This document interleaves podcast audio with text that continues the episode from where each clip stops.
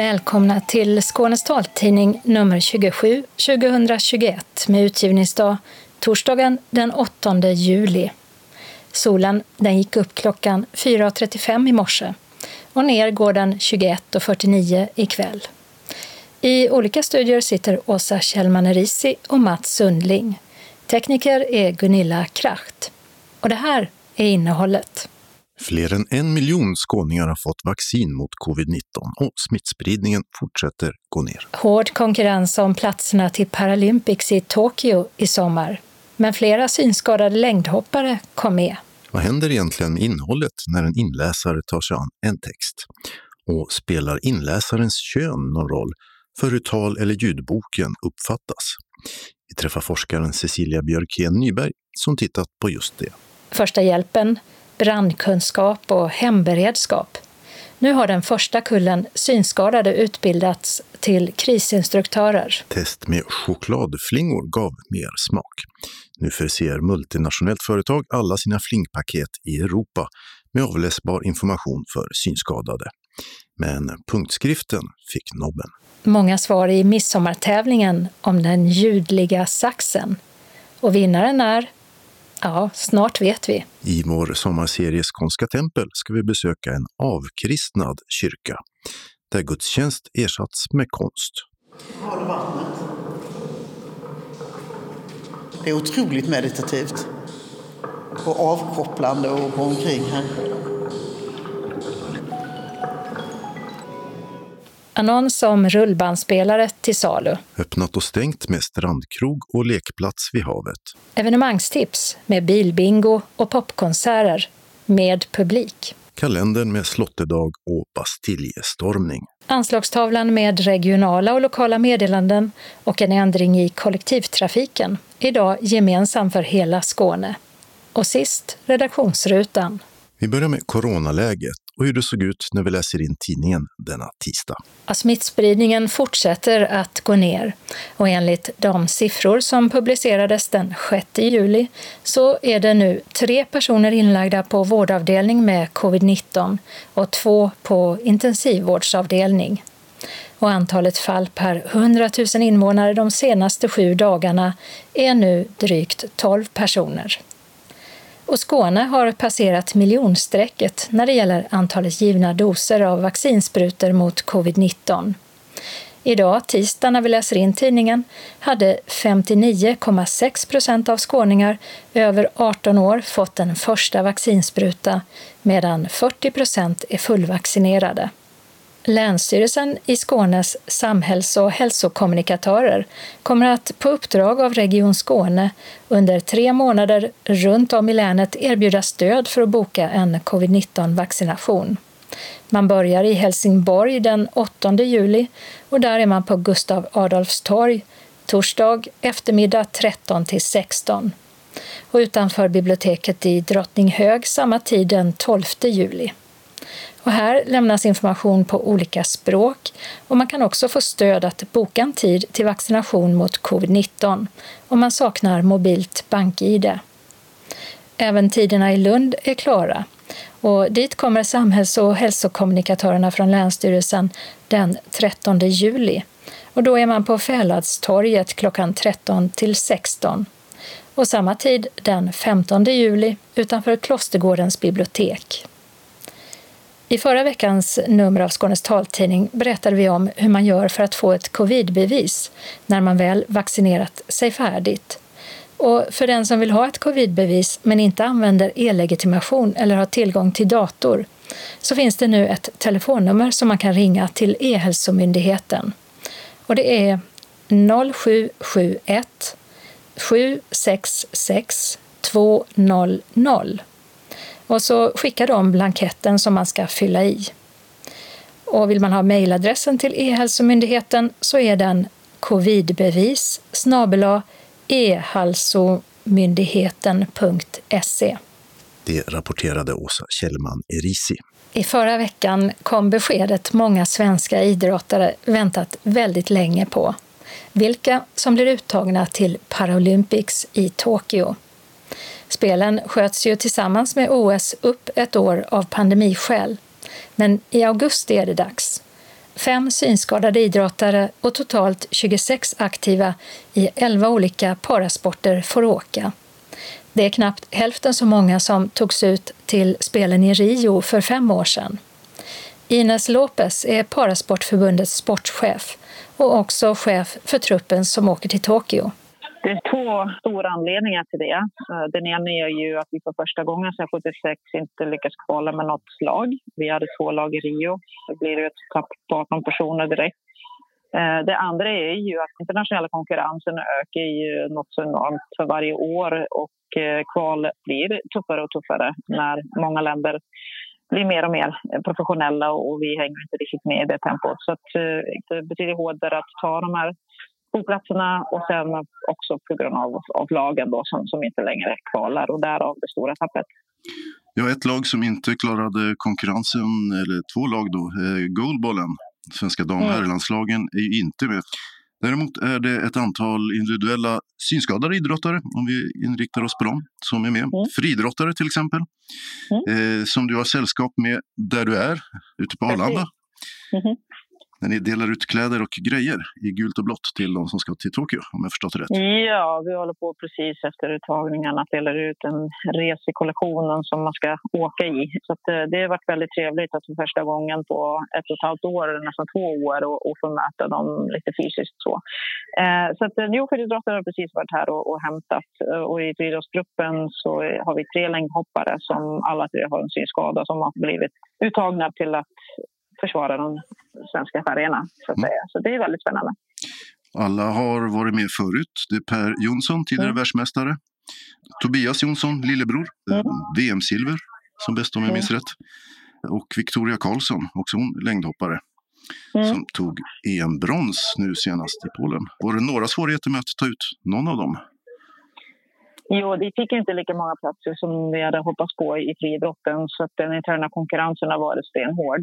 Faller det på dem, eh, de har ju liksom skött sin träning och lyckats bäst av dem så att eh, därav är det de som har fått eh, biljetterna av förbundskaptenen föreslagen till oss. De har alla tre, som du nämner här, goda meriter. Det gäller såklart att vara i bästa formen möjliga. Så att, det ska bli väldigt spännande att få följa deras tävling på plats. En annan idrottare har varit med förut och det är Nicolina Pernheim i synskadejudon. Det blir hennes mm. fjärde Paralympics om jag minns rätt. Mm. Mm. En kontaktsport som jag har fått eh, begränsa sin både träning och tävling under året. Var det något svårt att ta ut henne?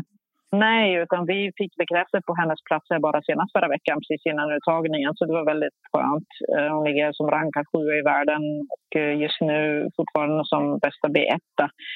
Så att nej, hon Eh, som du säger, hon är en av de mest rutinerade vi har. Eh, som första Paralympics nu gjorde hon i Beijing eh, tillsammans med några till som vi har i truppen som kommer ifrån den tiden också.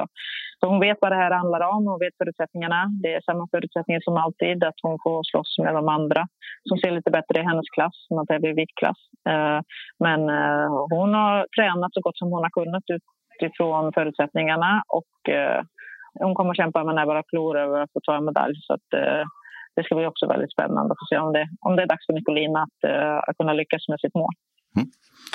Och den sista synskadade atleten är lite ny i sammanhanget. Eh, tandemcyklisten mm. Louise Jannering. Just det. Hon är också den yngsta i hela truppen just nu som ska åka. Hon har ju under det här senaste året eh, när spelaren blev flyttad verkligen kunnat lägga fokus på rätt sak. Det vill säga att eh, utveckla tekniken på trampet tillsammans med sin pilot. Så hon är ju en av de aktiva som har utnyttjat kompetensstöd på Bosön och gjort mycket tester och mätningar och sånt just för att se hur mycket de kan utveckla i, i kraftutveckling på, på varje tramp liksom på cykeln tillsammans. Då. Och gjort mycket rörelseanalyser och så vidare. Så att, eh, det har ju genererat väldigt mycket utveckling för deras del. Så på de här sista tävlingarna, om inte annat på VM, Eh, och tävlingen i Belgien här nu i juni så har det verkligen visat sig att de har tagit stora kliv. Så att, eh, hon har ju gått från att vara 11-12 i resultatlistorna till att kämpa om fjärde femteplatser här nu. Då. Så att, det ska bli spännande. Men hon är ju en framtidsnamn. Det här är hennes första och eh, hon är också väldigt, som sagt, hon är den yngsta som åker. Så det här blir en bra, bra start på paralympiska karriären eh, för Louise som vi hoppas att hon kan fortsätta hålla sig frisk och, och göra många sådana framöver. Och en av de uttagna är alltså Tobias Jonsson, friidrottaren och längdhopparen. Ja, hur känns det att vara uttagen och få åka till Tokyo? Ja, det känns jättebra. Det ska bli kul att presentera för Sverige igen eh, på Paralympics. Det ska bli kul att åka på tredje Paralympics här. Så jag är väldigt taggad. Ja, du har tidigare tagit ett VM-silver 2017 om jag minns rätt. Och så tog du ett brons i EM nu senast i Polen. Hur är formen idag? Den är faktiskt bättre, upplever jag. Jag var bra form i EM också, men då hade jag lite tekniska problem. Det är också att jag är tävlingsovan. Sen har jag varit skadad, så jag har haft en eh, kamp att komma tillbaka lite. Men eh, nu känner jag mig väldigt bra. Nu ska jag bara få ordning på tekniken och tajmingarna så ska det fixa sig. Och tävla mycket, om jag förstått det rätt? Ja, men man får inte tävla ihjäl sig heller. Så man måste hitta lagom med träningen också. Man får inte släppa för mycket med träningen men ändå släppa en lite i taget för att man ska få en fin form till Paralympics. Och bästa träning det är att tävla. Så förhoppningsvis har jag gjort eh, fem tävlingar till. Nu har det inte varit så mycket tävlingar av pandemiskäl under det senaste året, men vad vet du om konkurrensen? Där i T12-klassen är det du tävlar i. Man ser lite grann. Ja, men, eh, nu i VM då krävdes det ju sju meter, så det kommer krävas upp mot sju meter för att ha medalj i alla fall. För motståndarna kommer nog vara väldigt bra form. Ja, kommer du att klara sju meter då, säg, i Tokyo? Det hoppas jag. Det är väldigt. Ja. Det ska vara faktiskt häftigt att göra första gången sju meter med godkänd vind på Paralympics. Det är målet. Och du sitter i en bil nu på väg från Arlanda där ni har fått blågula kläder, alltså landslags Paralympics-dressen, tillsammans med storebror Per som ju också är längdhoppare. Precis. Och förbundskapten Magnus Olsson. Ni kommer från Bollnästrakten allihopa. Jajamän. Ja, vem är bäst idag då? Du eller storebror Per? Det är nog lite till dag till dag vem som är bäst av oss två. Men eh, vi vet bägge två att vi är bäst när det gäller. Så det är inte alltid vi får till det varje gång på en eh, mindre tävling hemma i Sverige. När det alltid gäller då vet vi att det är någonting viktigt och lite extra viktigt. Då brukar vi tända till och höja oss ganska rejält. Så eh, det är lite svårt att säga, men jag hoppas att jag är bättre. Sa längdhopparen Tobias Jonsson, som alltså ska åka på sitt tredje Paralympics, medan storebror Per, som satt bredvid, är klar för sitt fjärde. Och Victoria Karlsson lyckades också knipa en biljett till Tokyo före rullstolsveteranen Gunilla Wallengren. Medan den fjärde synskadade längdhopparen Olof Ryberg inte lyckades bli uttagen. Reporter var Mats Sundling. Den kommersiella ljudboken är ofta dramatiserande medan talboken riktar sig till den som har en läsnedsättning och ska mer neutralt återge en författares text. Men vad händer egentligen med innehållet när en uppläsare, som man säger i ljudbokssammanhang, eller talboksinläsare tar sig an en text? Cecilia Björkén Nyberg, docent vid Högskolan i Halmstad, har tittat på det och bland annat jämfört inläsningar av manliga och kvinnliga röster. Spelar inläsarens kön någon roll för hur innehållet uppfattas? Jo, jag har eh, tittat på eh, vilka olika betydelser och vilka tolkningar man kan göra beroende på hur en bok eh, läses in eller läses upp. Och vad man har för rytm och melodi och intonation och sådana saker och hur man lägger sin röst, om den ligger högt eller lite lägre och vilka val man gör. Till exempel om det är en manlig inläsare som ska läsa dialog där det finns en kvinna med och eh, hur gör man de här valen då? Du har tittat på tre olika typer av inläsningar eller snarare tre olika in eller uppläsare. Ja, det är Den allvarsamma leken utav Hjalmar Söderberg som har lästs in i två ljudboksversioner och en talboksversion. Eh, den ena ljudboksversionen är inläst av Per Myrberg och eh, man kan säga att Per Myrberg är då eh, skolad i 50-talsgenerationen. Man får en väldigt stark känsla av att han befinner sig på en scen, att det är ganska teatralt ibland eh, och att han så att säga talar stort som för en stor publik. Den andra ljudboksversionen är inläst av Christer Henriksson och den har också gått som radioföljetong vilket innebär att den är klippt och redigerad för att kunna sändas i radio. Men det som är speciellt intressant med Christer Henrikssons uppläsning det är att han har då en mer 70-talsskolad röst, det vill säga att han betonar innerligheten och det som han uppfattar som det ärliga i texten. Just den här romanen handlar huvudsakligen om kärleksrelation. Eh, men det finns också en, en annan intrig, eh, det vill säga tidningen som eh, Arvid jobbar på.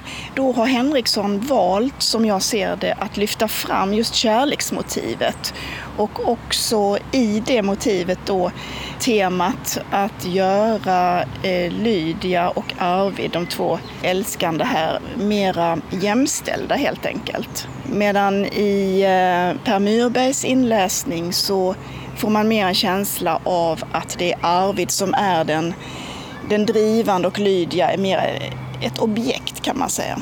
Och sen har jag då tittat på, vilket jag tyckte var väldigt spännande, en talboksinläsning av en kvinnlig inläsare som då är väldigt spännande eftersom den här romanen huvudsakligen är berättad ur Arvid Stjernbloms perspektiv.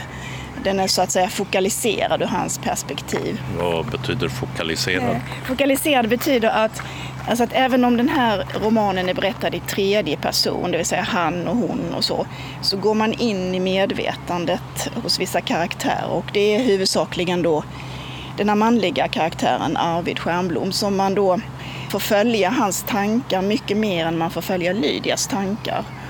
Och då kan man säga att mitt intresse här har varit att se hur det funkar om en kvinna läser eh, eftersom eh, det man brukar säga som är det mest slående när man lyssnar på en inläsning det är könet. Därför att vi kan inte speciellt lätt, eller inte alls, ändra tonhöjd därför kvinnor ligger högre.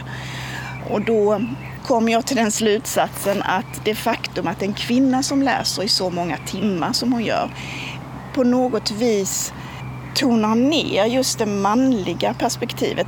Det här är ju en roman från 1912, det var väldigt liksom uppdelat mellan män och kvinnor, vad män och kvinnor kunde göra. Och män var i den offentliga sfären och kvinnor var mer i den privata sfären. Och då menar jag på att en kvinna som läser här har rätt så stor inverkan på hur vi uppfattar romanen. Det tonar liksom ner arbetsperspektiv. Och dessutom finns det i början av romanen så är den faktiskt då fokaliserad ur Lydias perspektiv. Och det är ju det som jag menar då sätter tonen eftersom det är det första vi hör och vi får tillgång till Lydias tankar. Och det sitter liksom kvar lite grann. Sen är det ju också som så att i talboken så det ska man ju då enligt de regler som finns, ska man läsa neutralt, det vill säga man ska inte läsa så dramatiserande. Och då menar jag det faktum att den här inläsaren läser då ganska neutralt och läser ut allting.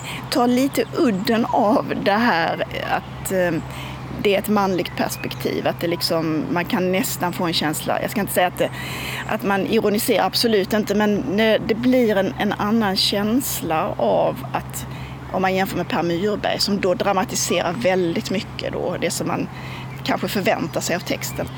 Men eh, hur mycket av det har de här skillnaderna att göra med att det är män respektive en kvinna som läser och hur mycket handlar om talbok respektive ljudbok som ju har olika krav på sig när det gäller dramatisering. Som du säger att det ska vara nedtonat i talboken och att det ska vara mer dramatiserat i ljudboken. Men det du tar upp här handlar ju mer om könet på personen som läser, eller? Eh, nej, jag skulle säga att det är en kombination. Just detta att man i talboken ska läsa mer neutralt, mer sakligt om man säger så. Och det är framförallt det tydligheten som ska vara det viktigaste. Att man så att säga ska se texten framför sig. Det är ju ett uttalat mål. Det i kombination med att det är en kvinnlig inläsare, det är det jag tycker är väldigt viktigt. Men det är ju så att säga en händelse. Det kunde ha varit lika gärna en manlig talboksinläsare som hade fått den texten. Ja, och det, jag tycker det är väldigt spännande att fundera över hur man har gjort det här valet. Att man har valt en kvinnlig inläsare. Eftersom i riktlinjerna, MTMs riktlinjer, så står det att om en bok är i första person, det vill säga jag-form, då ska inläsaren vara av samma kön som huvud, alltså berättaren då. I det här fallet är det ju inte så eftersom det är en tredjepersonsberättelse, men just att den är så väldigt starkt sedd ur ett manligt perspektiv, så hade jag ju trott att man skulle ha valt en manlig inläsare. Och därför så skulle man ju kunna säga ur ett ur ett genusperspektiv att det är något subversivt, fast det kanske inte var meningen, men det blev så. Det sa Cecilia Björkén Nyberg, docent i engelska med litteraturvetenskaplig inriktning vid Högskolan i Halmstad. Hennes pågående forskning kring röstens betydelseskapande potential har bland annat presenterats i en nyutkommen antologi kallad Från Strindberg till Storytel, korskopplingar mellan ljud och litteratur. Och i ett kommande nummer får vi höra mer om uppläsningens påverkan på hur innehållet i en bok uppfattas. Det var Dodo Parkas som träffade Cecilia Björkén Nyberg i hennes hemstad Lund. Första hjälpen, brandskydd och vad man bör göra för att klara sig en vecka när allt slutat fungera. Ja, det fick tolv synskadade från hela landet lära sig förra veckan då Civilförsvarsförbundet höll en utbildning till krisinstruktör på Almåsa utanför Stockholm. Den allra första i sitt slag. För nu vill Myndigheten för samhällsskydd och beredskap och andra inkludera en bortglömd grupp i krisplanerna, synskadade och andra med funktionshinder. Tanken är att instruktörerna nu både ska hålla egna kurser för allmänheten och ge ett funktionshinderperspektiv åt myndigheterna och att inventera krisberedskapen ute i landet. Arne Jungelin är studieombudsman på Synskadades riksförbund vi fick tag på honom när han väntade på tåget hem efter kursen. Det är ju sådana saker som hjärt och lungräddning, första hjälpen, hemberedskap i utemiljö där man exempelvis då ska lära ut hur man använder spritkök, hur man kan värma sig på olika sätt ute i naturen och så. Ta hand om en medvetslös person och se till att den personen kommer till sjukhuset. Hur var din beredskap för kriser innan den här kursen? Var det någonting du inte kunde innan som du har lärt dig på den här kursen? Ja, alltså jag har ju haft ett intresse själv. Det har väl alla oss vi tolv som var med i kursen i synskada här har vi ju haft ett intresse. Så att eh, vi har ju haft lite olika varierande kunskaper om diverse olika eh, saker i det här. Men, men det som ändå är gemensamt är ju att, att vi är klart intresserade av att vilja lära ut den här kunskapen. För syftet är ju att vi ska ju vända oss till allmänheten på hemorten för att utbilda de här olika delarna. Då. Hemberedskap, första hjälpen, barn och seniorsäkerhet med mera. Så att, eh, vi ska vara en del, precis som alla andra. Så att vi är synskadade är ju bara en del av att samhället... Ja, det finns ju synskadade i samhället och varför ska då inte finnas synskadade krisinstruktörer så att säga. Nej, det har ju inte funnits förut och kanske har funktionshinderperspektivet inte varit så närvarande heller när det gäller krisberedskap och liknande. Hur stort Nej, är behovet? Det är ju nästa syfte med det här. Det är ju att, eh, att våra krisinspektörer kommer ju också då ha en naturlig ingång till att eh, kontrollera hur det ser ut på hemorten när det gäller det här med krisplaner för kommunerna kanske då så att säga försöka bevaka de frågorna för synskadecyklarnas räkning på lokal nivå. Att se hur ser det ut? Har man med funktionshinderperspektivet eller har man inte det? Och om man har det, hur har man byggt upp det? Funkar det bra? Funkar det dåligt eller finns det inte alls? Och sen rapportera det till centrala riksförbundet då för att de ska kunna ställa krav exempel mot eh, myndigheter för samhällsberedskap eller till Sveriges kommuner och eh, regioner exempelvis och, och försöka få fram en, kanske ändringar i lagstiftning som kanske behövs för att man ska kunna eh, få en, en bra krisberedskap även för, för medborgare som har funktionshinder.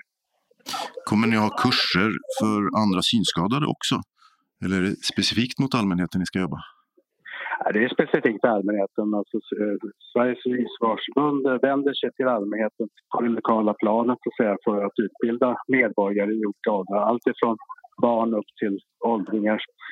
Och eh, det gör vi ju då så att säga, med de här olika delar av olika utbildningar vi har. Då, med första hjälpen, seniorsäkerhet, barnsäkerhet och så vidare. Men det är klart att om, om det är så att exempelvis Synskadades skulle höra av sig på en lokalort så säger vi inte nej om man vill ha en synskaderegistrikör om man råkar ha en sådan på plats. Men det är inte syftet att vi ska utbilda synskadade, det, det är det inte. Utan eh, om jag förstår rätt då, så är det egentligen att ge ett funktionshinderperspektiv då till i alla fall Civilförsvarsförbundet.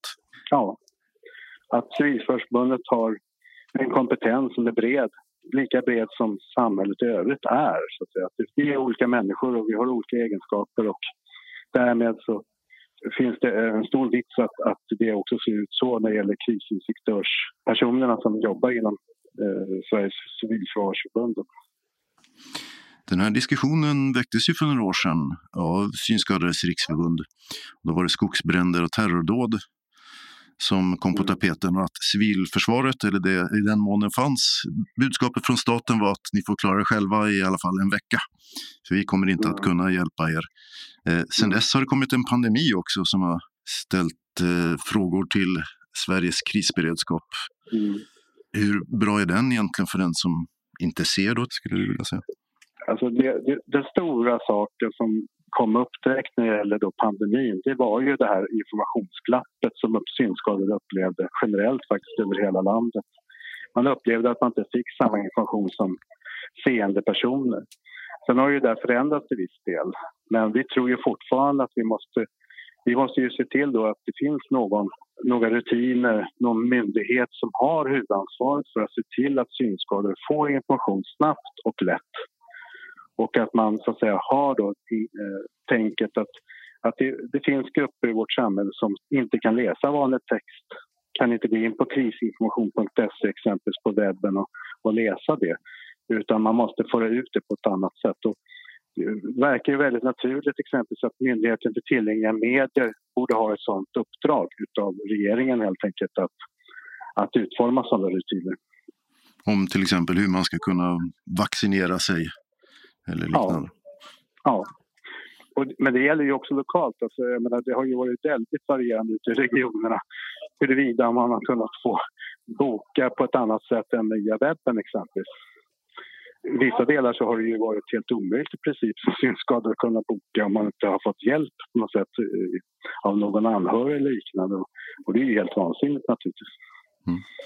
Det låter som ett ganska stort uppdrag det där att se över kommuner och regioners eh, beredskap för kriser och liknande. Ja, Sveriges Civilförsvarsförbund och Synskadades riksförbund och Studieförbundet AB som också är samarbetspartner här har ju tagit an sin en uppgift som kommer att naturligtvis ta tid att uh, få fram. Men vi gör ju det för att vi ska utveckla vårt samhälle, att att vi ska ha ett demokratiskt och inkluderande samhälle där, där alla människor har rätt att få verka och känna sig trygga. Det sa Arne Jungelin, studieombudsman på Synskadades riksförbund och dess kontaktperson för denna, den första krisinstruktörsutbildningen för synskadade. Reporter Mats Sundling. Ett samarbete mellan det brittiska synskadeförbundet RNIB, alltså Royal National Institute of Blind People, och livsmedelsföretaget Kellogg's har lett fram till att företagets samtliga flingpaket över hela Europa från och med årsskiftet kommer att förses med QR-liknande färgkoder. Koderna kan på upp till tre meters avstånd avläsas med smartphone-appen Navilens och ger information om till exempel innehåll och allergener. Idén till märkningen föddes när en representant för företaget besökte en brittisk skola för synskadade barn och eleverna gjorde klart för honom att deras förpackningar borde vara tillgängligare. Och som vi berättat tidigare så gjorde Kellogg's sedan ett test med både punktskrift och avläsbar kod på paket med frukostflingorna Chocopops. När företaget och den brittiska synskadeorganisationen undersökte inställningen till märkningen visade det sig att nästan samtliga tillfrågade ansåg att livsmedelsförpackningar borde göras tillgängligare. På sin hemsida skriver RNIB att när de tillsammans med Kelloggs analyserade feedbacken så kom de fram till att Navilens-koderna är till nytta för alla med synnedsättning medan punktskrift bara hjälper vissa. Och det är den 1 januari som förpackningarna med Navilenskoder, men utan punktskrift, ska finnas i livsmedelsbutiker över hela Europa. Och då var det dags att gå igenom frågorna och svaren till årets midsommartävling som hade den 175-årsjubilerande saxofonen som tema.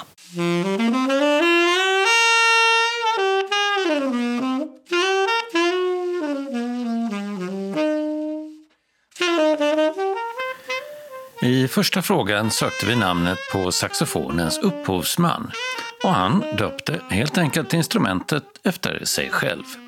Rätt svar på fråga 1 var en etta, Adolf Sax. I fråga två lyssnade vi på den här klassiska filmmusiken från 1963.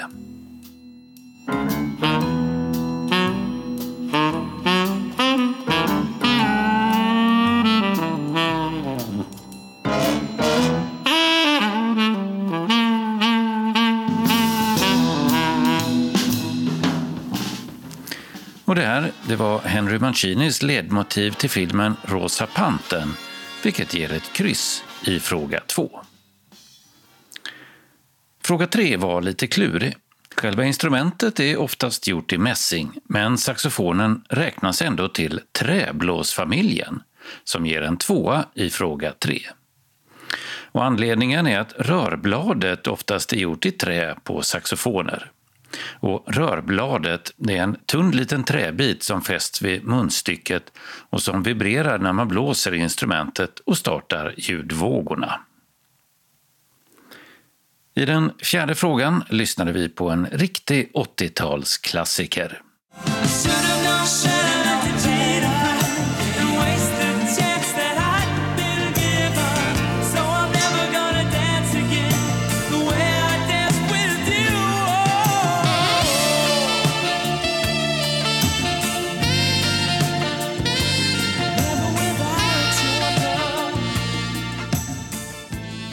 Det här är låten Careless Whisper från 1984.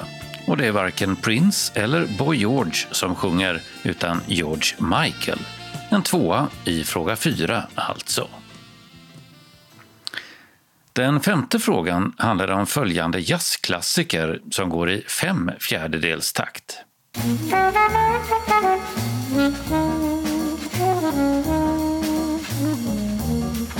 Och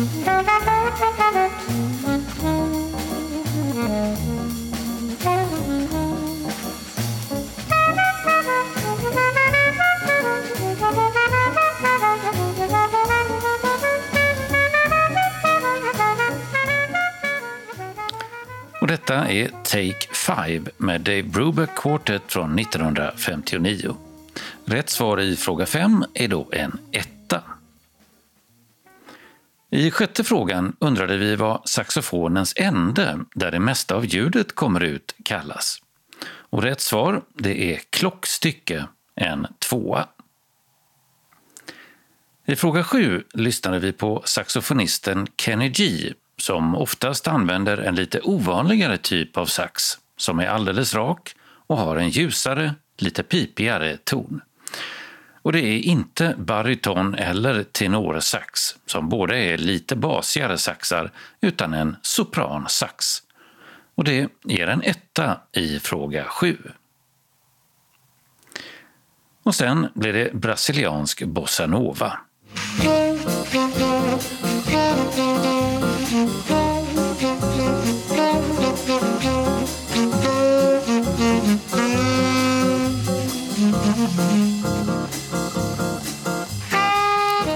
I fråga 8 sökte vi namnet på låten och rätt svar är Girl from Ipanema. Och den har spelats in av ett otal artister genom åren. Och här var det Getz Gilberto som spelade. Rätt svar på åttonde frågan är alltså ett kryss. I fråga 9 sökte vi en före detta amerikansk president som är känd för att kunna spela saxofon. Så här lät det när han, som en del i sin kampanj 1992, spelade i en populär tv-show.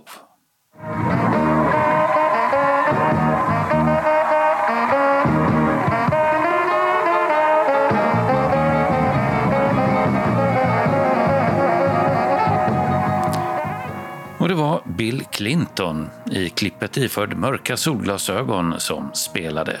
En etta i fråga 9.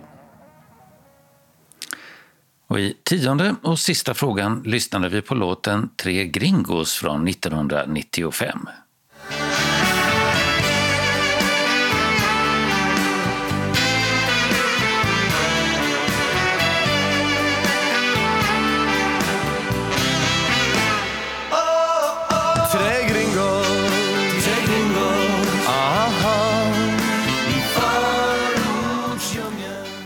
Var ett samarbete mellan två svenska band.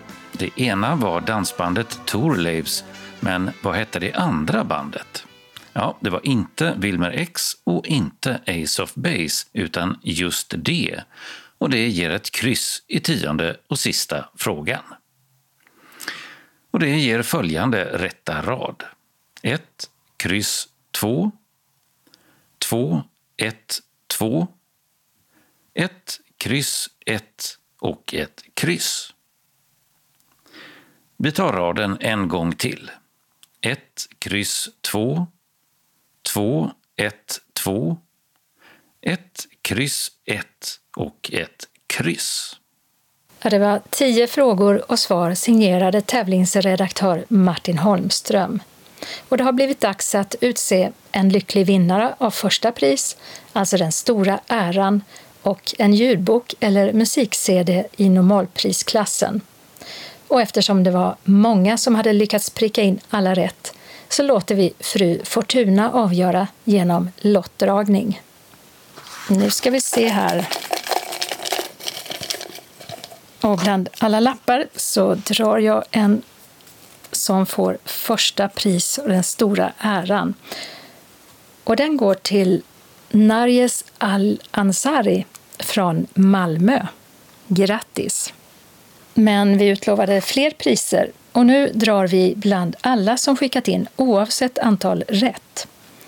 Då tar vi även och häller i de här svaren som inte hade alla rätt och blandar om lite.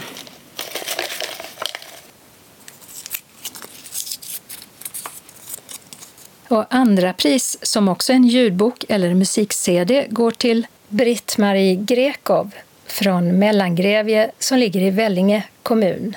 Och till sist så ska vi också låta ut en T-tröja eller mugg med Skånes taltidnings fina logotyp på. Och den går till Gunnel Lovén Gussing från Helsingborg. Grattis! Och tack till alla som skickat in svar och grattis igen till vinnarna. I andra delen av vår sommarserie Skånska tempel ska vi ta oss till en kyrka som inte längre fyller samma funktion som den en gång gjorde. På många håll pågår en diskussion om vad man ska göra med kyrkor som inte längre behövs för gudstjänstverksamhet. En av dessa kyrkor är Odarslövs kyrka från 1100-talet som ligger på Lundaslätten en knapp mil utanför Lunds centrum. Det var den 17 november 2022 som avlysningsgudstjänsten hölls. Och i ritualen sades bland andra dessa ord. Med denna gudstjänst upphör vi att använda denna kyrka avskild för bön och gudstjänst enligt Svenska kyrkans ordning. Den vittrappade kyrkan med inslag av rött tegel ligger kvar som ett landmärke bland alla åkrar. Men en nattvardskärl, krucifix och bibel har för länge sedan burits ut. Vi träffar Heikki Ranta, stiftsantikvarie i Lunds stift på kyrkogården utanför Odarslövs kyrka.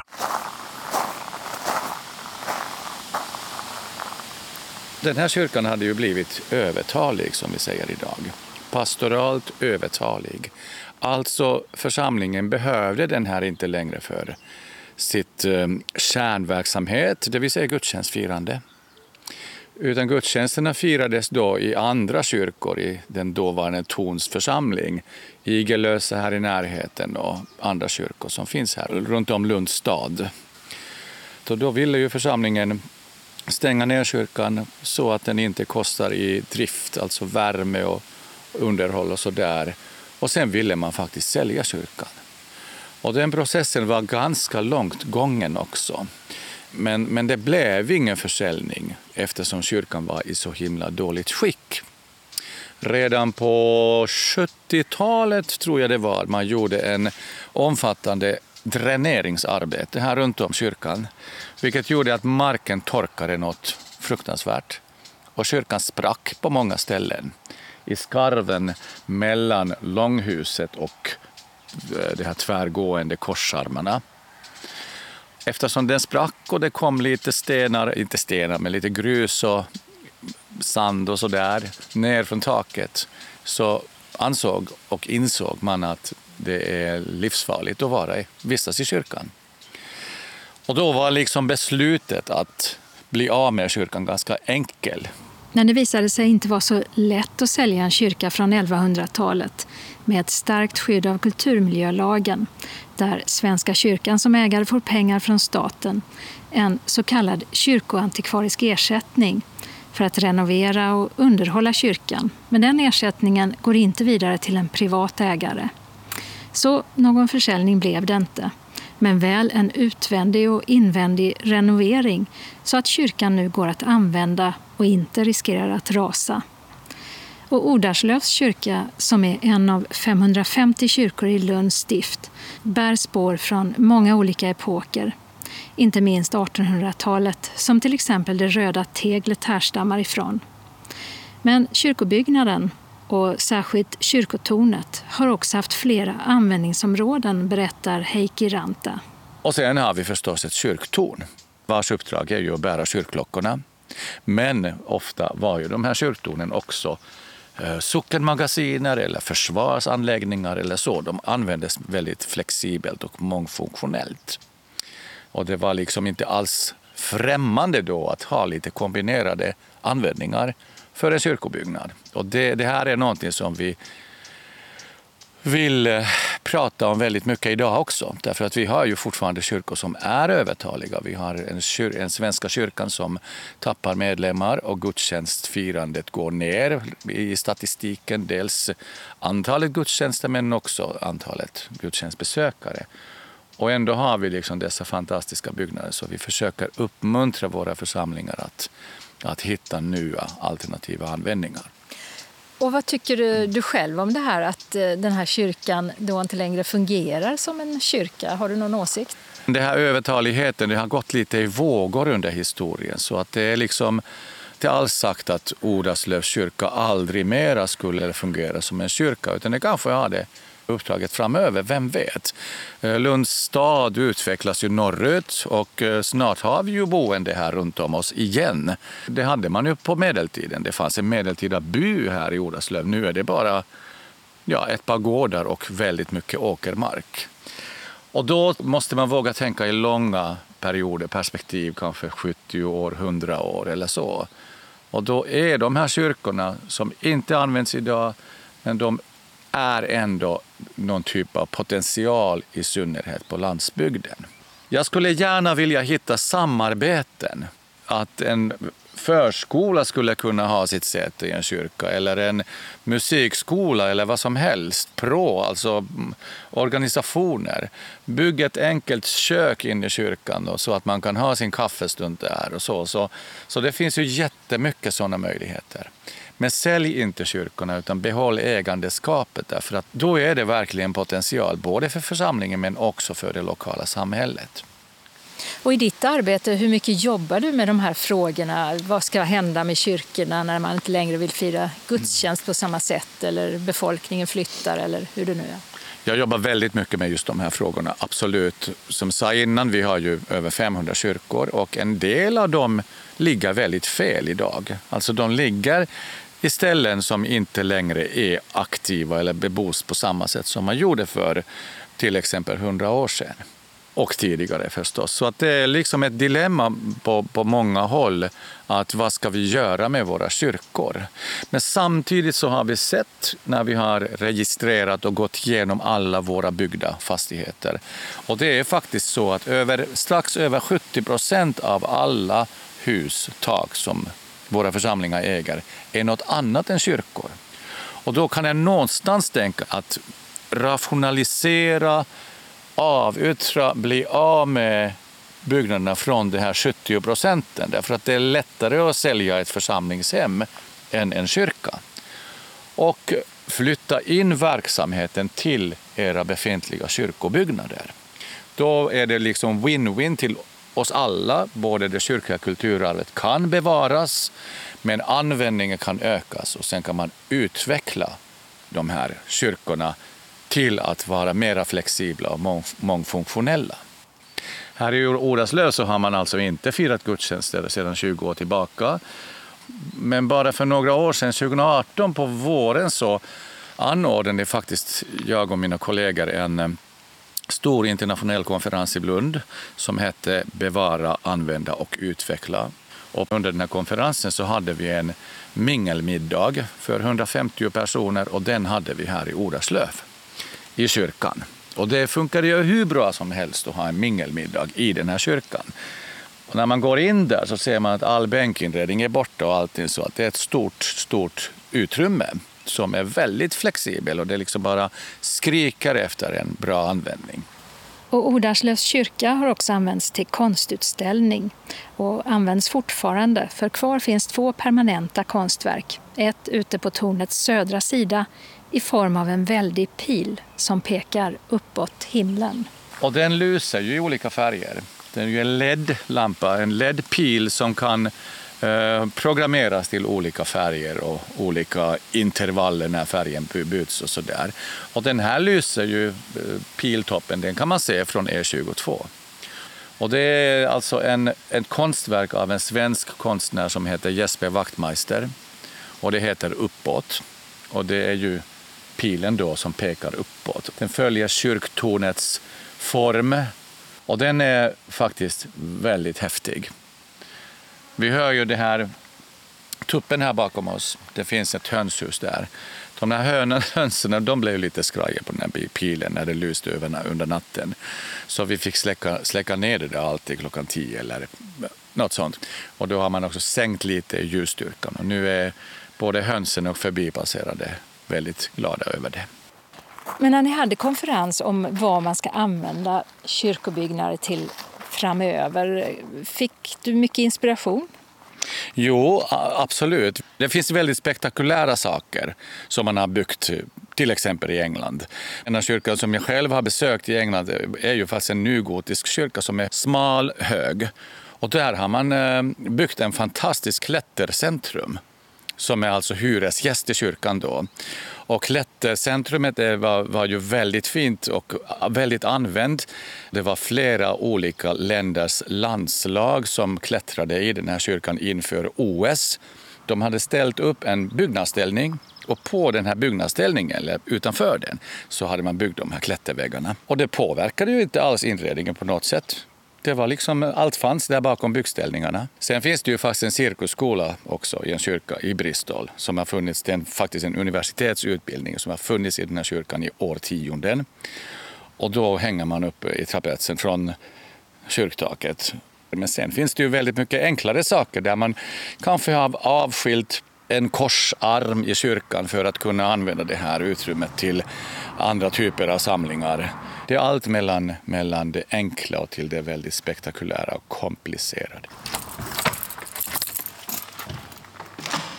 Här springer lite spindlar iväg när man öppnar dörren. ja, sommarstädningen är inte gjord ännu. Jag heter Anna Svensson Melin och jobbar som församlingsherde här i Torns församling. Sen är här ju lite mörkt tack vare ljuskonstverket som sitter här uppe i, i taket som är gjort av Jerome. Men att komma in här då i Ordarslövs kyrka, hur ofta gör du det med tanke på att den är avkristnad? Eh, under det här pandemiåret har det inte varit speciellt ofta. Dessförinnan så försökte vi ha öppet en gång i månaden i alla fall att, för att visa upp de här konstverken. Och det finns många som har någon form av bindning till Odarslövs kyrka som gärna kommer hit när kyrkan är öppen. Att man vill komma hit och få komma in i sin kyrka igen. Vi har också de senaste två åren haft musik i sommarkväll med andakt här i kyrkan. Och det ska vi faktiskt ha i sommar också för det är otroligt fin akustik här inne.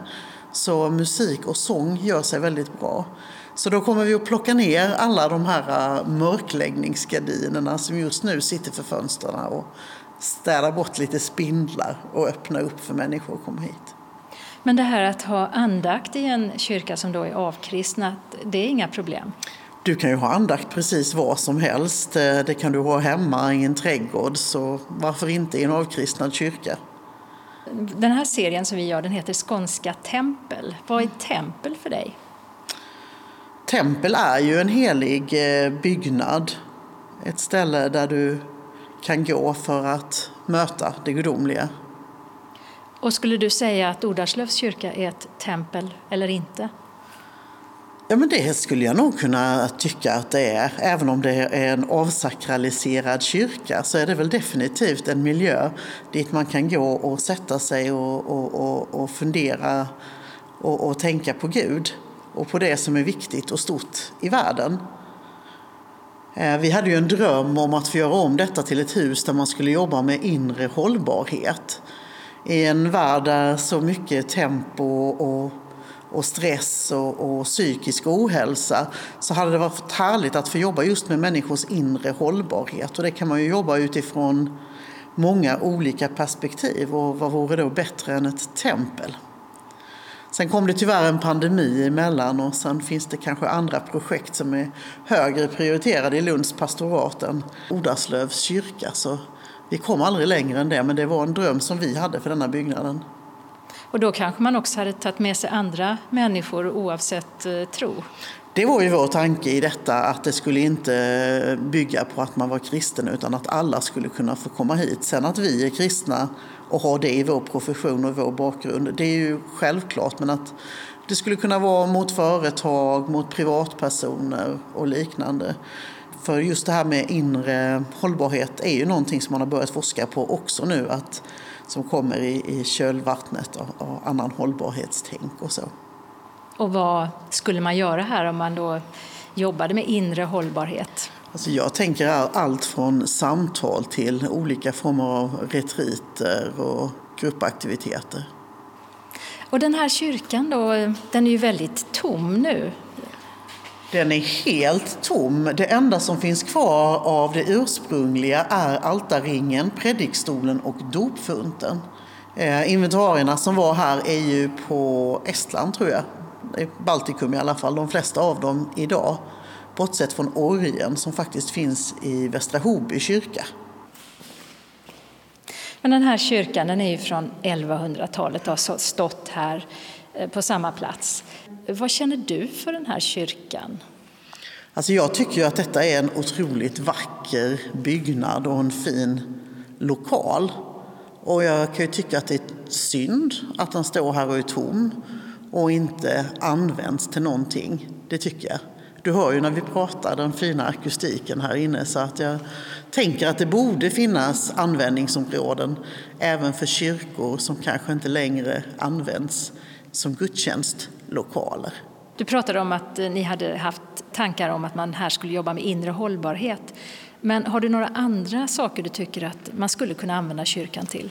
Ja, men man skulle väl mycket väl kunna använda det som konsertlokal, tänker jag. Man skulle kunna ha konstutställningar här av olika slag. Man kanske till och med skulle kunna göra om det till sammanträdeslokaler. Jag tänker vi ligger nära ESS och Max 4 och nog hade man kunnat göra någon form av exklusiv sammanträdesmiljö här, kan jag tänka mig. Det viktiga tycker jag när man funderar på användningsområden är ju att eh, man tar hänsyn till att det faktiskt finns en aktiv kyrkogård här utanför. Eh, och att man inte riktigt kanske kan göra vad som helst med tanke på det. Och när man då avkristnade den här kyrkan, vem gjorde det? Det gjorde den dåvarande kontraktsprosten Lars-Erik Axelsson. Och det var ju en gudstjänst 2002. Det här konstverket som man då har här inne, kan man sätta på det? Men eftersom här inte finns någon el så får vi... Börjar det lysa här i golvet? Det börjar lysa, ja. Då får ju egentligen rökmaskinen sättas igång och sen så ska den gå här en tio minuter i fatt så att kyrkan fylls med rök. För att då blir det, då ser du strålarna hela vägen uppifrån och ner.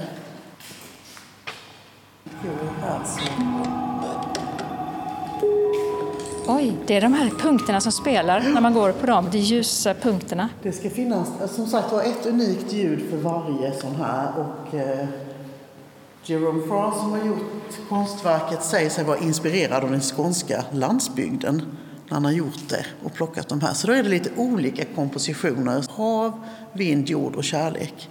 Så går man upp i den som är här uppe vid altaret så hör man hjärtslagen.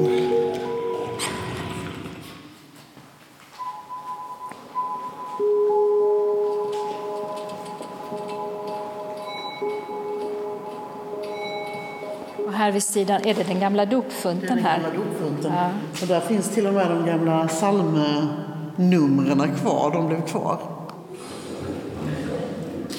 Har du vattnet? Men det måste vara spännande att gå runt här också om det är helt rökfyllt. Ja, och helt mörkt. Det är otroligt meditativt. Och avkopplande att gå omkring här. Och där upphävs också det här med att om man inte ser. Att man får jobba med andra sinnen än synen. Man går här mellan de olika ljuspunkterna så ändrar sig musiken efterhand som man går.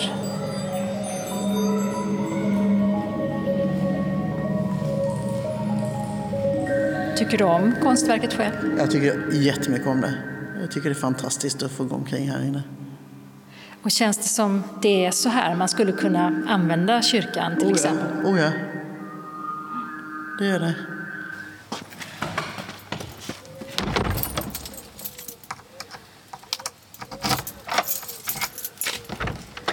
Då var det låst igen. Ja. Och sen här utanför så har vi ju ett till enormt konstverk upp på kyrktornet Pilen. Ja, det är Jesper Wachtmeister som har gjort det och det kallas för Uppåt. Och jag tycker det är helt fantastiskt.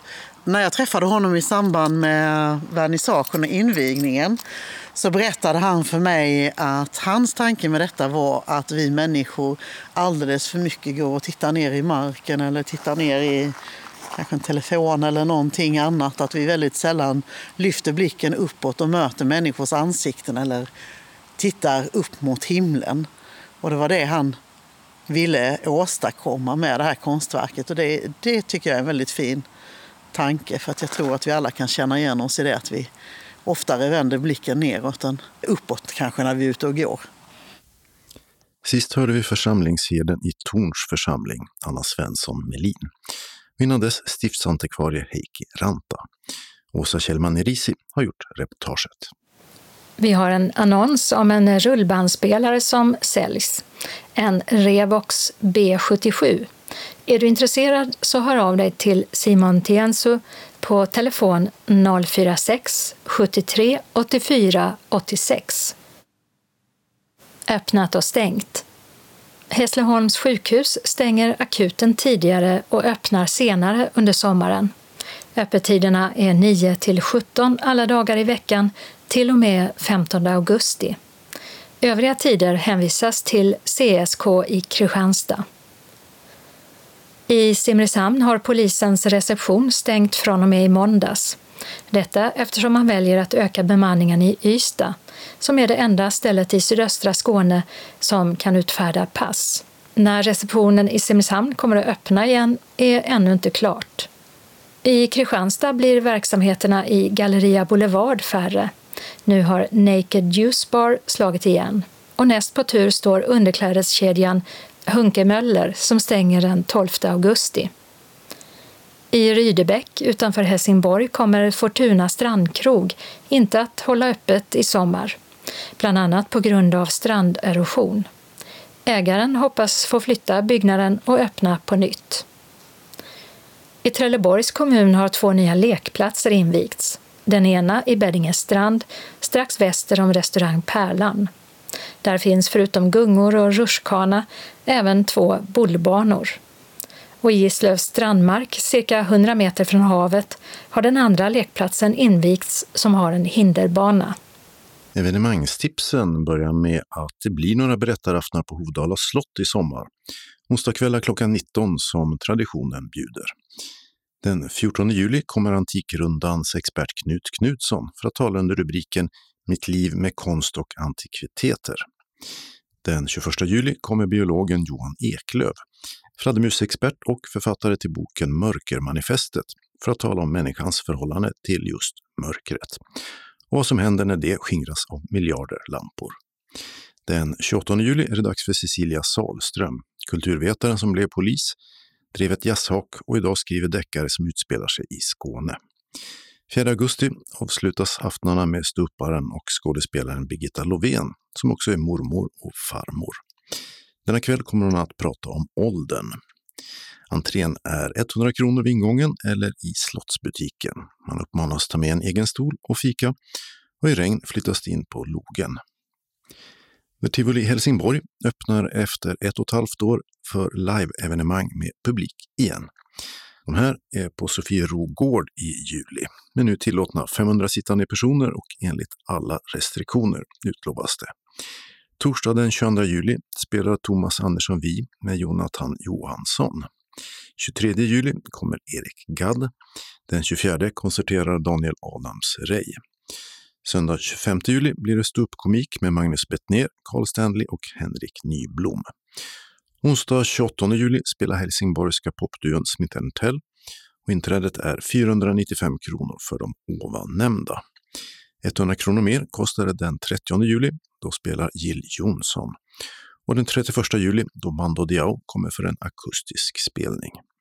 Biljetter säljs av Tixter på telefon 0771 47 70 70. Insläpp från klockan 18 och på scen ska de allesammans stå klockan 20. Adressen till Sofierogård är Sofierovägen 126 i Helsingborg. I Malmö blir det en rad utomhuskonserter i augusti under rubriken Kosläpp i Pildammarna.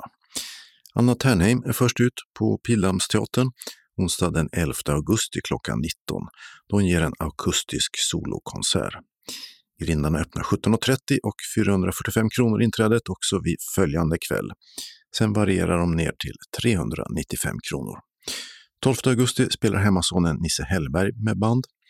13 augusti spelar Torbjörn Risager och The Black Tornado med Andy Almqvist som uppvärmning.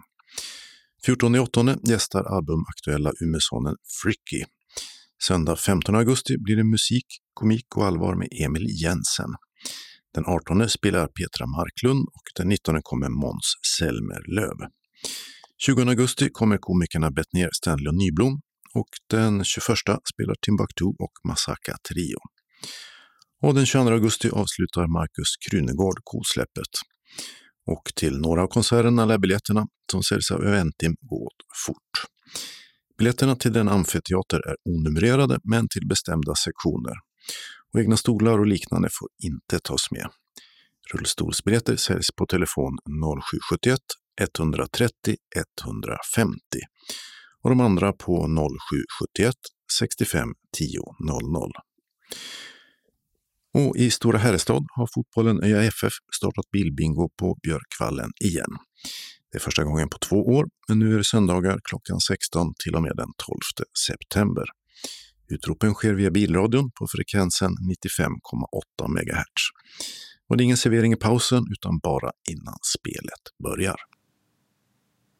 Kalendern för vecka 28 börjar med måndag den 12 juli då antagningsbeskeden till alla som sökt universitet och högskolor med krav på svar ska komma. Herman och Hermine har namnsdag. Förr ansåg man på flera håll i Sverige att Hermansdagen var den första lämpliga dagen för slotter. Dagen kallades för Slotterkarl tillsammans med Joel och Fokas, namnsdagsbarnen som följde i kalendern. För stadsboende läsare kan vi berätta att slotter det är när man skördar hö som djuren kan äta under vintern. I Båstad börjar herrveckan i den årliga tennisturneringen. Damerna spelar den här veckan. Enda svensk som deltar nu är Elias Ymer som innan Wimbledon nyligen rankades som 167 i världen. Vilket betyder att han lär få jobbigt att ta sig till finalen på söndagen. TV-profilen Peter Gide känd inte minst från TV4 och som kampanjarbetare för landets diabetiker, fyller 50 år. Tisdag den 13 juli har Joel och Edith namnsdag. Sundsvallsbon Kjell Leno lär ha startat sin första kör som 17-åring och det har han fortsatt med, inte minst i radio och tv. I till exempel publikdragaren Allsång på Skansen. Efter en pandemipaus leder han nu körer och program igen och den här dagen fyller Leno 85 år. Medan den före tennisspelaren Anders Järryd, som bland annat var med och vann tre Davis Cup för Sverige på 80-talet, bara hunnit bli 60. Onsdag den 14 juli är kronprinsessans födelsedag, den 44 i ordningen och en allmän flaggdag. Av pandemiskäl tar Victoria inte heller i år emot några gratulationer framför Soliden. Men traditionsenligt tv-sänd konsert från Borgholms slottsruin blir det till kvällen. Då hon också delar ut årets Victoria-stipendium som går till skridskostjärnan Nils van der Poel. I Frankrike firar man nationaldag till minne av Bastiljens stormande och eftersom coronarestriktionerna med hårda lockdowns nu har lättat till landet lär firandet gå nästan lika hett till. Namnsdag, det har Folke. Torsdag den 15 juli är det Tornedalingarnas dag och med en flacko. vår flagga, hissas runt om i Sverige. Och den är gul, vit och blå som Sveriges och Finlands flaggor. Och I området från Kiruna till Haparanda ungefär har det talats finska sedan medeltiden. Mindre idag, efter decennier av förbud mot finska i svenska skolan. Men numera är meänkieli, vårt språk, som det betyder, erkänt som ett av Sveriges fem minoritetsspråk. I Åhus i Skåne skulle de stora tävlingarna i beachfotboll och handboll dragit igång, men även i år blev de inställda. Den amerikanska folk och popsångerskan Linda Ronstadt började uppträda som tonåring och blev solartist i slutet av 60-talet. Och sin kanske största hit fick hon med låten You're No Good från 1975. Men 2006 kom hennes sista album, för efter det förlorade hon rösten på grund av Parkinson. Nu fyller Ronstadt 75 år. Och lika mycket fyller Malin på Saltkråkan. Eller i alla fall skådespelaren Louise Edlind som gjorde den snälla rollfiguren i tv-serien Vi på Saltkråkan. Hon var 16 år när den spelades in och efter premiären 1964 har Edlind kallats Malin vart hon går. Och det har hon i intervjuer sagt att hon inte har något emot. Eller att det planeras en nyinspelning av den svartvita serieklassikern. Namnsdag har Ragnhild och Rangvald. Fredag den 16 juli har Reine och Reinhold namnsdag. Och lördag den 17 juli är det dags för Bruno. För muslimer inleds Hajj, årets vallfärd till Mekka, som några miljoner brukar göra varje år. Och Hajj är som bekant en av islams fem pelare. Och tanken är att alla som är friska och har möjlighet ska göra den här resan en gång i livet. Att vandra sju varv runt den heliga stora stenen Kaba är en av höjdpunkterna. Men även i år lär coronan begränsa pilgrimsresandet. Söndag den 18 juli är det Kristi förklaringsdag i kyrkans almanacka. Och för på dagen 100 år sedan gavs den första så kallade BCG-vaccinet mot tuberkulos, vilket kom att rädda miljoner från den fruktade och vanliga lungsjukdomen. Vaccinet används än idag, fast i begränsad skala. Namnsdag denna söndag har alla Fredrik och Fritz. Den regionala anslagstavlan börjar med en inbjudan från Synskadades förening SRF Trelleborg med omnejd till en kulturell upplevelse på Söderslätt. Vi ska se den syntolkade musikalen Julia Capulet på Lilla Beddinge teater torsdagen den 29 juli från klockan 18 till cirka 21. Lilla Beddinge teater är belägen mellan byarna Lilla Beddinge och Stora Beddinge på Ängslättsvägen 69-0. Julia Capulet är teaterns första egna produktion, en musikalversion av William Shakespeares Romeo och Julia, med originaltext samt ny text av Rasmus Mononen och musik av Jan-Erik Säf, programmet. Vi träffas vid ladan ute i Lilla Beddinge, dit du tar dig själv. Kom i god tid. Klockan 17.50 berättar vår syntolk Eva Håkansson om det som komma ska, samt delar ut mottagarna och vi får en enklare förtäring på serveringen. Klockan 19 börjar föreställningen.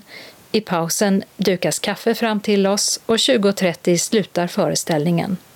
Beställ eventuell färdtjänst till klockan 21 så slipper ni stressa. Denna upplevelse kostar 200 kronor per person. Sista dag för anmälan är torsdagen den 15 juli. Sista inbetalningsdatum är måndagen den 26 juli till föreningens bankgiro 5985-6526 och anmälan är bindande. Vi har förbokat 15 biljetter och det är först till kvarn som gäller. Är du inte medlem i vår förening kan du prova att beställa biljetter utanför vårt engagemang. Ring då direkt till Lilla Beddinge teater. Det finns fler mottagare för syntolkningen än vad Trelleborg behöver. Ring eller e-posta snarast till Lars Billgren, mobil 0708 32 19 07 eller e-post lars.billgren telia.com. Väl mött hälsar styrelsen. Synskadades riksförbund Malmö Svedala välkomnar till syntolkad operett Glada änkan. Datum och tid är lördagen den 30 oktober 2021. Samling klockan 13.15 och föreställningen startar klockan 14. Platsen är Nöjesteatern på Amiralsgatan 31 i Malmö. Och priset 625 kronor per person om man är över 65 år, för resterande 675 kronor per person. Och priserna gäller även för ledsagare. Betalningen sker med inbetalningskort som skickas hem eller med Swish 123 077 8050. Handlingen Glada änkan utspelar sig i 1900-talets första decennium i det glada Paris. Den unga, förtjusande och nyblivna änkan Hanna Glavari, spelad av Frida Engström, har lämnat sitt hemland och lever ett lättsamt liv med beundrare från hela världen. Baron Zeta från hemlandets ambassad har fått i uppdrag att ombesörja att den unga änkan gifter sig med en pontevedrisk herre för att säkerställa att arvet stannar i hemlandet. Den mörke och vackre greve Danilo Danilovic, spelad av Thomas Järvheden, är den som anses lämplig för uppdraget, något han själv inte är lika förtjust i. Danilo är en ung man som gärna spenderar nätterna på parisiska nattklubben Maxim i sällskap av nattklubbsägaren Emmanuel, spelad av Lars-Åke Babsan Wilhelmsson. I rollen som den lättsamme och muntre Monsieur Lapidius ser vi Jan Malmsjö. För Danilo borde kärleken vara en del av ett äktenskap och han gör sitt bästa för att, istället för att själv gifta sig med änkan Glavari, åtminstone se till så att ingen annan heller gör det. Danilo och Hanna upptäcker snart att de har något gemensamt och inte helt oproblematiskt finner de varandra i det glada Paris. Men räcker det för ett giftermål? Vi har förbokat ett begränsat antal biljetter, så om du vill vara säker på att komma med, så anmäl dig till kansliet på 040 25 05 40 eller info srfmalmo.se. Dock senast fredagen den 16 juli klockan 12. Vid anmälan berätta om du behöver lur och eller ledsagning. Medlemmar från hela Skåne är välkomna. Om ni skulle ha frågor innan föreställningen eller behöver komma i kontakt med någon så kan ni ringa Maj-Britt Ryman på telefon 070-324 6609. Hjärtligt välkomna önskar styrelsen. I den lokala anslagstavlan, som idag är gemensam, börjar vi med en inbjudan från SRF Bjuv Klippan Åstorp.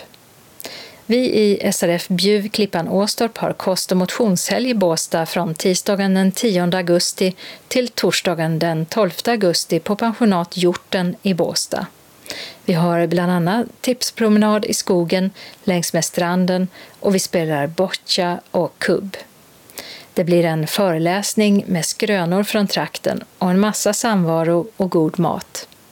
Vi har platser över, därför bjuder vi in våra grannföreningar att delta. Då tänker vi i första hand på SRF Västra Skåne, SRF Ängelholm Båstad och SRF Norra Skåne. Kontakta din förening om du är intresserad eller ring mig för mer information. Hälsningar Bjarne Kristensen.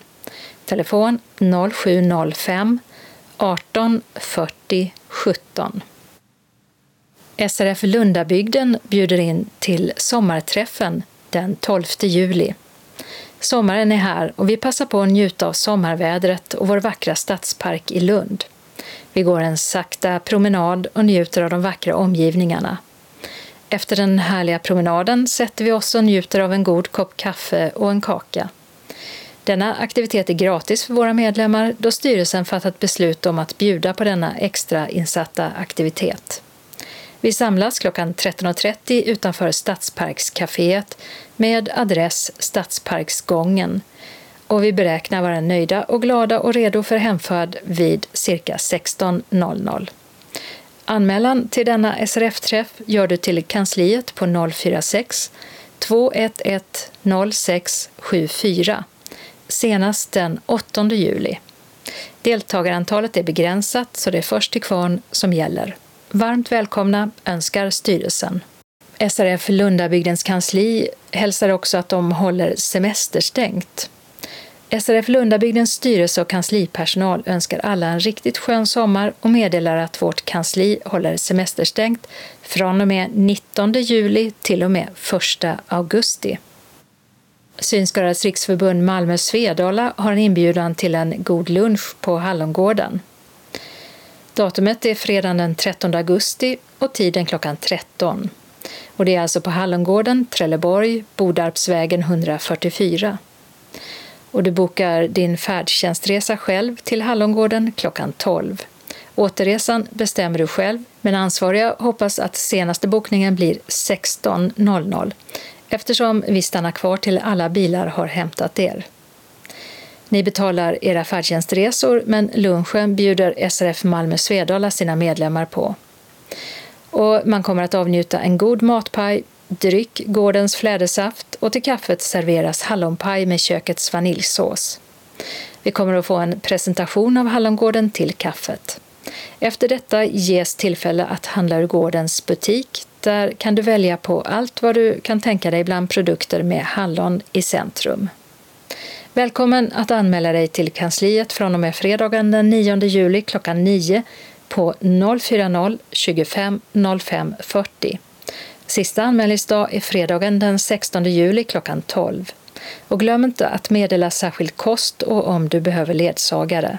Har du frågor eller har stött på problem under fredagen så ring Maj-Britt Ryman, telefon 070-324 66 09.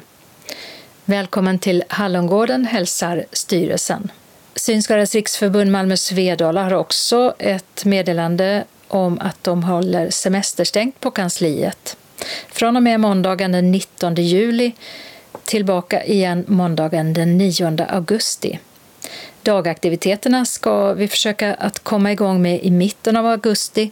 Mer om det kommer i Skånes taltidning när det är dags. Om du behöver komma i kontakt med föreningen under semesteruppehållet kan du ringa Maj-Britt Ryman. Styrelse och personal önskar alla en skön sommar.